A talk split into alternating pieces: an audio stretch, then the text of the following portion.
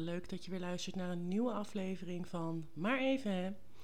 Uh, mijn podcast waarin ik het heb over dagdagelijkse dingen die ik, uh, die ik tegenkom, die me bezighouden, waarvan ik merk dat die anderen bezighouden.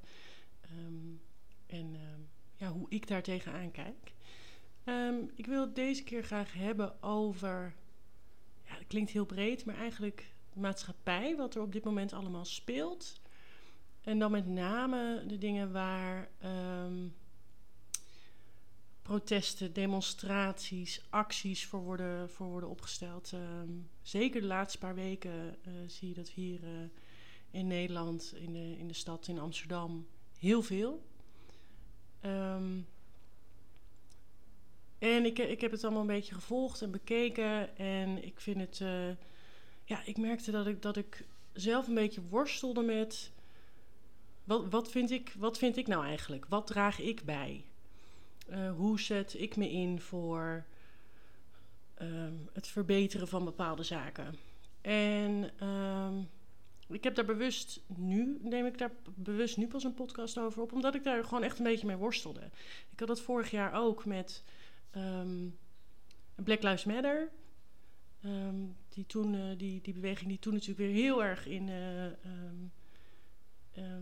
actief, in, nou in opspraak wil ik niet zeggen, maar in beweging was door, uh, door bepaalde voorvallen. Uh, met name natuurlijk in Amerika, demonstraties die hier op de Dam zijn geweest. En ik had het idee dat ik daar een, ten eerste een, kant in moest kiezen. Ik weet voor mezelf hoe ik, hoe ik in het leven sta, hoe ik tegen mensen aankijk, hoe ik over racisme denk. Um, inclusiviteit, diversiteit, onrecht. Nou, uh, zulke, soort, uh, soort zaken op elk vlak, op elke um, maatschappelijke groep, samenlevingsgroep. Nou, hoe, hoe moet je dat tegenwoordig maar omschrijven? En ik had bij Black Lives Matter vorig jaar, zag je natuurlijk ineens heel veel op Instagram die zwarte uh, profielfoto's, zwarte blokken, Blackout Tuesday, wat ook weer niet gewaardeerd werd uh, als, als tag, omdat daar de informatie die echt gedeeld werd een beetje verdween in ieders feed. Uh, door mensen die dat gewoon als tag gebruikten om wel te laten zien dat ze het steunden, maar verder niet informatie deelden of updates of wat dan ook. Um, en daar was, dat was voor mij eigenlijk een eerste teken dat ik dacht, ja, we, we kunnen er ook, we moeten ons er wel in verdiepen. Hoe draag je bij? Is dat dan alleen een um, een, een, een, zwarte profielfoto of een zwarte, beeld als, als post. Met daarbij dan zo'n tag, zo'n hashtag. Of uh, ga je op de barricade, of ga je, uh, uh, spreek je je uit in je persoonlijke omgeving, of doe je het allemaal? Dat kan natuurlijk allemaal. Maar ik merkte aan mezelf dat ik niet gelijk op die, um, op die trein wilde stappen. Ik ben echt voor mezelf te raden gegaan Waar, waar sta ik zelf voor? Waar geloof ik in? Hoe, heb ik, hoe uit ik dat in mijn omgeving, in mijn werk, uh, richting uh, vrienden, familie? Hoe ga ik daarmee om? En uh, ik heb het toen ook met een goede vriend van mij daarover gehad. En die zei ook tegen mij, die is wat ouder dan dat ik ben. Die heeft ook überhaupt minder met social media. Want ik merkte dus dat ik door social media best wel een soort druk voelde of mezelf oplegde. Ik moet hier iets mee. Ik moet me hierover uitspreken. Ik moet ik moet iets. En toen had ik het er met hem over en hij zei terecht: Joh, jij weet hoe jij in de wedstrijd zit. Jij weet of je iemand aanspreekt op uh, fout gedrag, op racisme, op uh, niet goed met de medemens omgaan. Jij weet hoe je dat voelt van binnen. Um, en het is ook heel goed als, voor, merk ik voor mezelf, uh, ben ik me ook nog bewuster geworden van toch vooroordelen die zo ingebakken in zitten.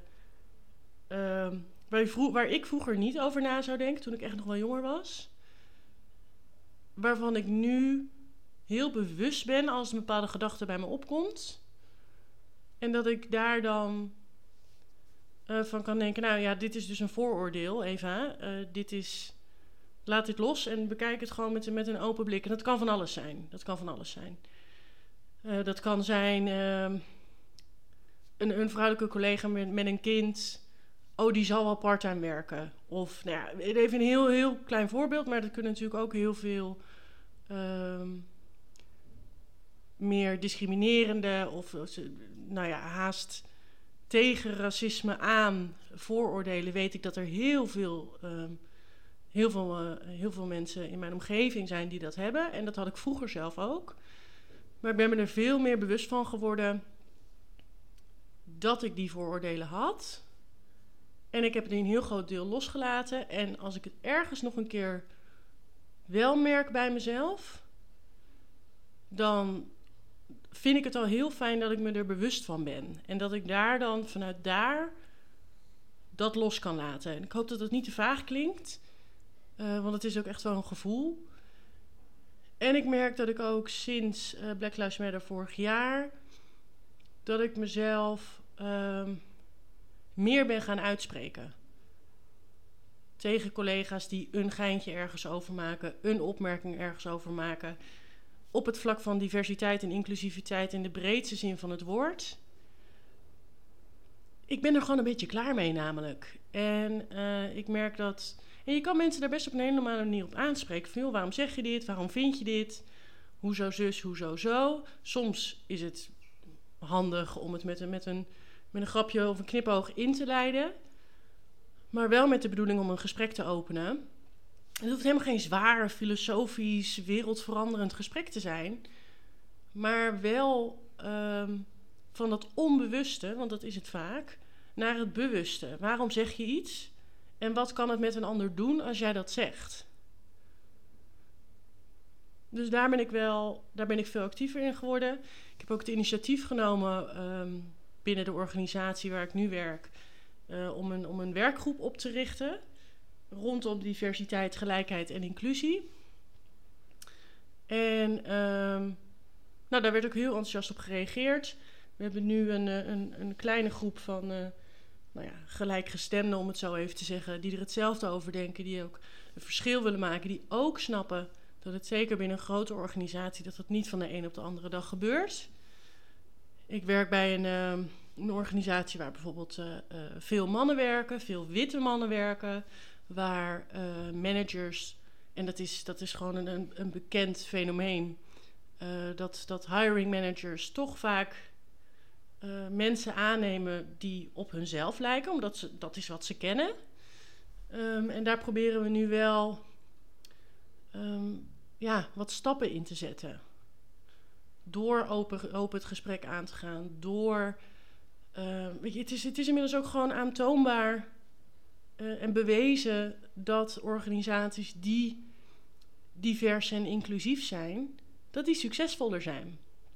Er komen meer uh, innovatieve ideeën naar boven. Er, er, komen um, meer initiatieven, een andere manier van denken. En diversiteit en inclusie, dat, dat, is, dat is ook um, uh, verschillende opleidingen. Niet allemaal van dezelfde universiteit, maar misschien juist wel iemand met een, met een profiel. Of dat nou een leerprofiel is of een um, identiteitsprofiel, om het zo te zeggen. Dat draagt allemaal daaraan bij. En daarbij ben ik ervan overtuigd, en dat zie je ook echt, dat steeds meer talent, werknemers, jonge werknemers, um, die willen ook dat de organisatie waar zij voor werken zich daarmee bezighouden en zich daarvoor inzetten. En zorgen dat iedereen zichzelf kan zijn, volledig zichzelf kan zijn en gezien wordt. En dat iedereen dezelfde kansen krijgt binnen de organisatie. En ja, daar moet je gewoon, daar moet je gewoon in mee.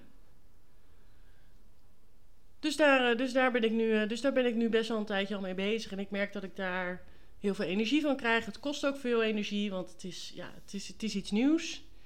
Uh, maar het is ook heel interessant.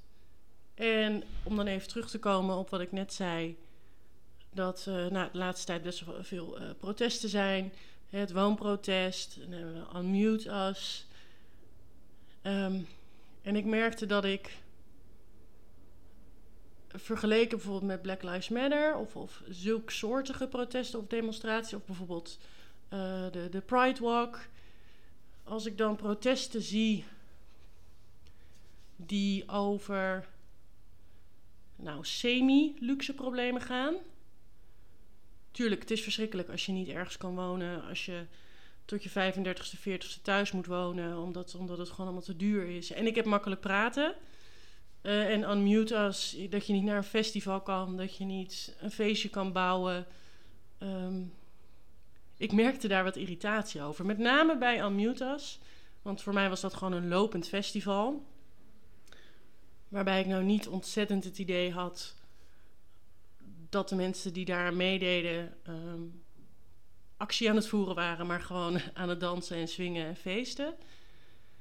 En ik snap het, hè. Alleen, ja, dan denk ik, ja, sta je er dan straks ook als er voor um, nou, de mensen in, uh, mensen in Afghanistan, de vluchtelingen, of als er uh, voor, de, transrechten, of uh, ik noem maar even wat, sta je er dan ook? Of alleen als het om een feestje gaat, even heel flauw gezegd. En ik merkte er bij mezelf en toen dacht ik, ja, maar, nou ja, om even zo te zeggen, maar even hè. Voor iedereen is iets anders belangrijk. En er zal altijd verschil in zijn. En dat kan je begrijpen of niet. Maar probeer wel te bekijken waar het vandaan komt. En wat er met jou resoneert. Hoe jij wil bijdragen. Wat voor jou belangrijk is. En als dat een feestje is, prima. Dan kan dat, dan kan dat voor jou hetgeen zijn waar jij actief voor uh, de barricade op gaat of, of de straat op gaat. En als dat um, niet jouw manier is om te laten zien dat je het ergens wel of niet mee eens bent, dan kan dat ook. Hè? Je hoeft niet de straat op. Je kan ook voor jezelf bepalen: ik zet me op deze manier in, ik draag op deze manier bij aan thema X, Y, Z. Um, ze het maar gewoon even in de breedste zin de samenleving. Dan is dat ook prima. Dus ik was echt even bij mezelf te raden gegaan Waar komt nu je initiële irritatie vandaan? En hoe zou je dat kunnen ombuigen naar begrip voor ieders eigen uh, belevingswereld en eigen belangen, als ik het zo, uh, zo mag zeggen. Waarbij ik natuurlijk hoop dat, dat in de basis iedereen wil dat, dat elk mens zich um, thuis voelt in de samenleving en, en hier welkom is en uh, zichzelf, haarzelf, hunzelf uh, kan zijn. En dat we nieuwsgierig blijven naar elkaar. En dan niet alleen nieuwsgierig naar um, verschillen Hè, hoe ben je anders dan ik? Hoe steek je anders in elkaar? Hoe draag jij bij aan de samenleving? Hoe draag ik bij aan de samenleving? En wat is daar nou het verschil in? En, en nou ja, vertel daar eens wat over. Maar juist ook de overeenkomsten. En ik denk dat één grote overeenkomst is, is dat iedereen wil op een bepaalde manier gezien worden en mee kunnen doen. En ik denk dat je, als je je daarvoor inzet, op welk vlak dat dan uh, ook maar is, vanuit welke invalshoek dat dan ook maar is, ik denk dat je dan voldoende bijdraagt. Daar wil ik hem eigenlijk even bij laten. Het is uh, een onderwerp waar ik heel veel over nadenk. Waar ik ook, nou, nu ik dit opneem, hardop over na aan denken ben. En ik hoop uh, dat je er iets in herkent. Misschien ook wel niet. Als je je eigen uh, mening wil delen of invalshoek of hoe jij het benadert, uh, laat het me vooral even weten. Ik ben heel nieuwsgierig. En uh, bedankt voor het luisteren. Hoi hoi.